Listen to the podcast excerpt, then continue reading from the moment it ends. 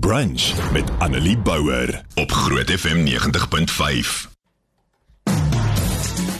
Goed, ons is besig met op die nuus. Ons praat oor vletjieblassers en uh, die groot probleem in ons land rondom hulle veiligheid en hoe hierdie goeters hanteer word.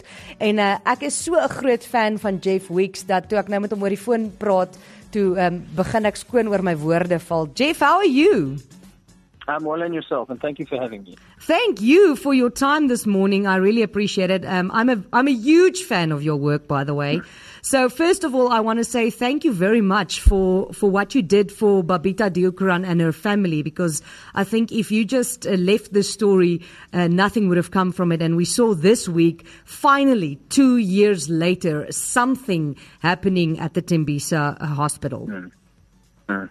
Yes, you know, I, I think a, a, hallmark of this case since we started working on it is the fact that things move incredibly slowly, too slowly for justice to be realized, especially for the Deokaran family.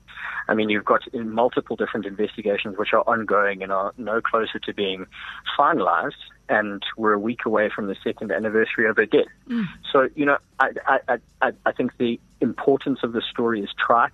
Um, did we have to take it on? I think yes. And I think most importantly is it, it, really highlights the plight of whistleblowers in the South African context. You know, we have a, a, a state apparatus that is still uncomfortable calling Babita Deokaran a whistleblower, even though she was. Um, and I think that alone speaks to the landscape in which they are placed and that they have to operate in a very dangerous environment where they are given very little help. And I think my, my question is that the law regarding whistleblowers in South Africa is ridiculous, um, especially when it comes to their safety. What do you think has to be done to change this? No, I think the primary concern at the moment is the legislation protecting whistleblowers. We know that that there there is um, there's some sort of process underway with the Department of Justice now to sort of remodel what was the Protected Disclosures Act and make it a piece of legislation that's more tailored to actually protect whistleblowers, protect their families, and, and, and, and safeguard them across many tropes. And I think that's the first step. The, the, the, first step there is getting proper laws in place to protect these people. Because if we don't, the chilling effect is immense. You know, we've got a, a situation like the Deokaran matter where she was murdered. Of course, this would have a chilling effect on other whistleblowers who would see that, you know, if I stand up for what is right and I stick my head above the parapet, I could be killed, and two years later, nothing would have been done. And had it not been for the involvement of the press, it's unlikely that anything would have happened and this cover up would have continued. So, you, you know, it, it, it, it requires a legislative change and it requires a holistic change in terms of governance and accountability, which we're just not seeing. So I saw the documentary of News 24 about uh, um, uh, Babita Deokaran, The Silenced, why she was murdered, which was brilliant, by the way. Um, I just was wondering, uh, at some point you said that um, it is the media's responsibility. The media and the journalists are the only ones at this stage that actually can still do something about this. So today on air, I asked the listeners, what is the public's responsibility and do they actually have a responsibility? What is your opinion about this? You know, I think as, as, as the media, we, we, we, have a duty to act in the public interest, and I think the story has been so firmly in the public interest because it relates to the murder of a whistleblower and the theft of public funds. Um, but that said, we can only take this process so far, and we'll continue to do that.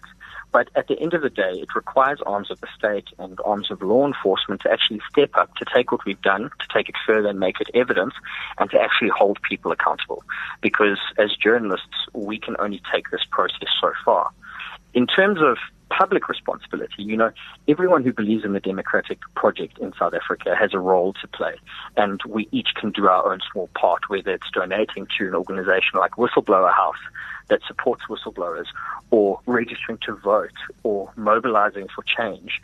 You know, we have to start taking the situation in hand because as it stands, if we look at the Babita's case alone, it's it's it's very difficult to see hope and progress going forward.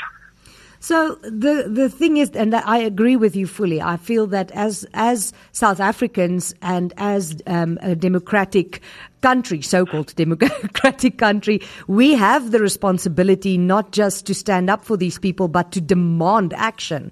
Um, uh-huh. if you if you register to vote, your vote needs to go to somebody that is going to bring along that change, hopefully, um, and obviously demand action. Now, I got a question from one of the listeners uh, that let me know they are they wanted to stay anonymous. They said that they were uh, part of the the aeroplane that landed in PE, and they were one of the whistleblowers taking it further and further and further and further, and nobody listened to them.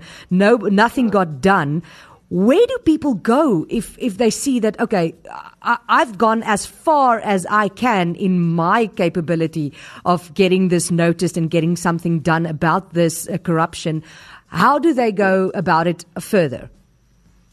Well, I think it's a very difficult question to answer because each situation is going to be completely unique and, and each, each nuance or each situation itself will have to be interrogated and that person will have to decide. You know, I was thinking this morning, um, thinking about the murder of that um, that Hawks investigator on the sixth of August, and saying, you know, people don't understand the existential crisis that people are placed in just for doing their jobs, just for doing the right thing, you know, and there's there's a lack of knowledge on the part of the public and understanding, you know, like Babita was just a civil servant.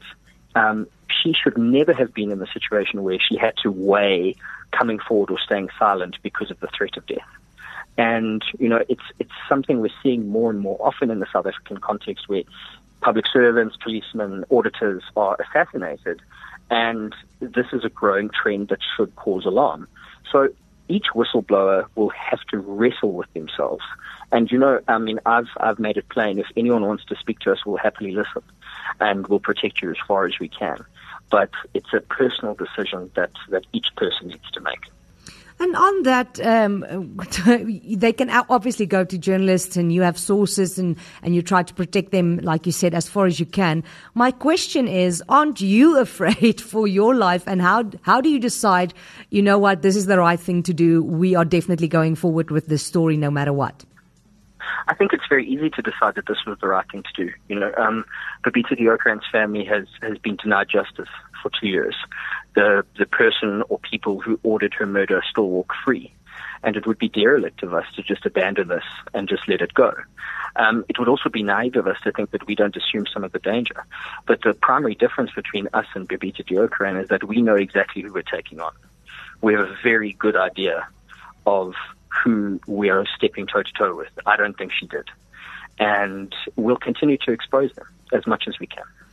And uh, I saw that you said because she was such a good record keeper, it made your job easier. Um, but like you said, I, she didn't really know uh, what was going on. Now I see that the that the um, head of the hospital or the CEO of Tembisa Hospital did not get suspended. What is your uh, opinion about that? No, so the, the CEO of Tembisa Hospital was suspended in August last year. He remains on suspension.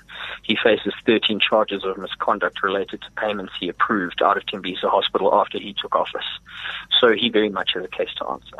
Um, our friends at independent newspapers um, like to give him a platform and say that there's no evidence against him. That's completely false. Oh, okay. um, there's files, legal arch files of evidence against Dr. Ashley Mthunzi, and he may prove to be innocent, but there's a process to go through. And uh, any sort of narrative that he's not being suspended is completely false. Okay, that's good news. That's good to hear. Uh, thank you very much for your time. I know that you are busy and actually in a meeting at this moment, so thank you for taking the call. Um, if you feel, um, uh, if people want to contact you or News 24, or if they want to just uh, get uh, to a journalist and tell their story, where can they go? If they look in our stories, they'll see a graphic with a cell phone number, a chipped cell phone number that they can communicate with us anonymously on as easy as that. Uh, Jeff, thank you very much for the hard work uh, the last two years on this case specifically. Uh, I know that's not the only thing you did, but, but it is the one we are talking about now. So thank you very much and good luck going forward. Thank you so much. Okay, bye. Daar het jy dit, uh, Jeff Wicks uh, van News 24, Tanya. So um, in verband met sy punt oor Ashim doen sê dit is inderdaad waar ons die storie gekry het van independent newspaper. So dit is inderdaad nie die waarheid nie. Hmm. So dit is wel baie goeie nuus en dan kan ek ook vir jou sê dan ehm um, kan jy 'n e-pos stuur as jy 'n e-pos wil stuur na hom, kan jy na tips@20 uh 24.com. Ja. Asai. So maklik soos dit. Annelie Bouwer, weekoggend tussen 9 en 12 op Groot FM 90.5.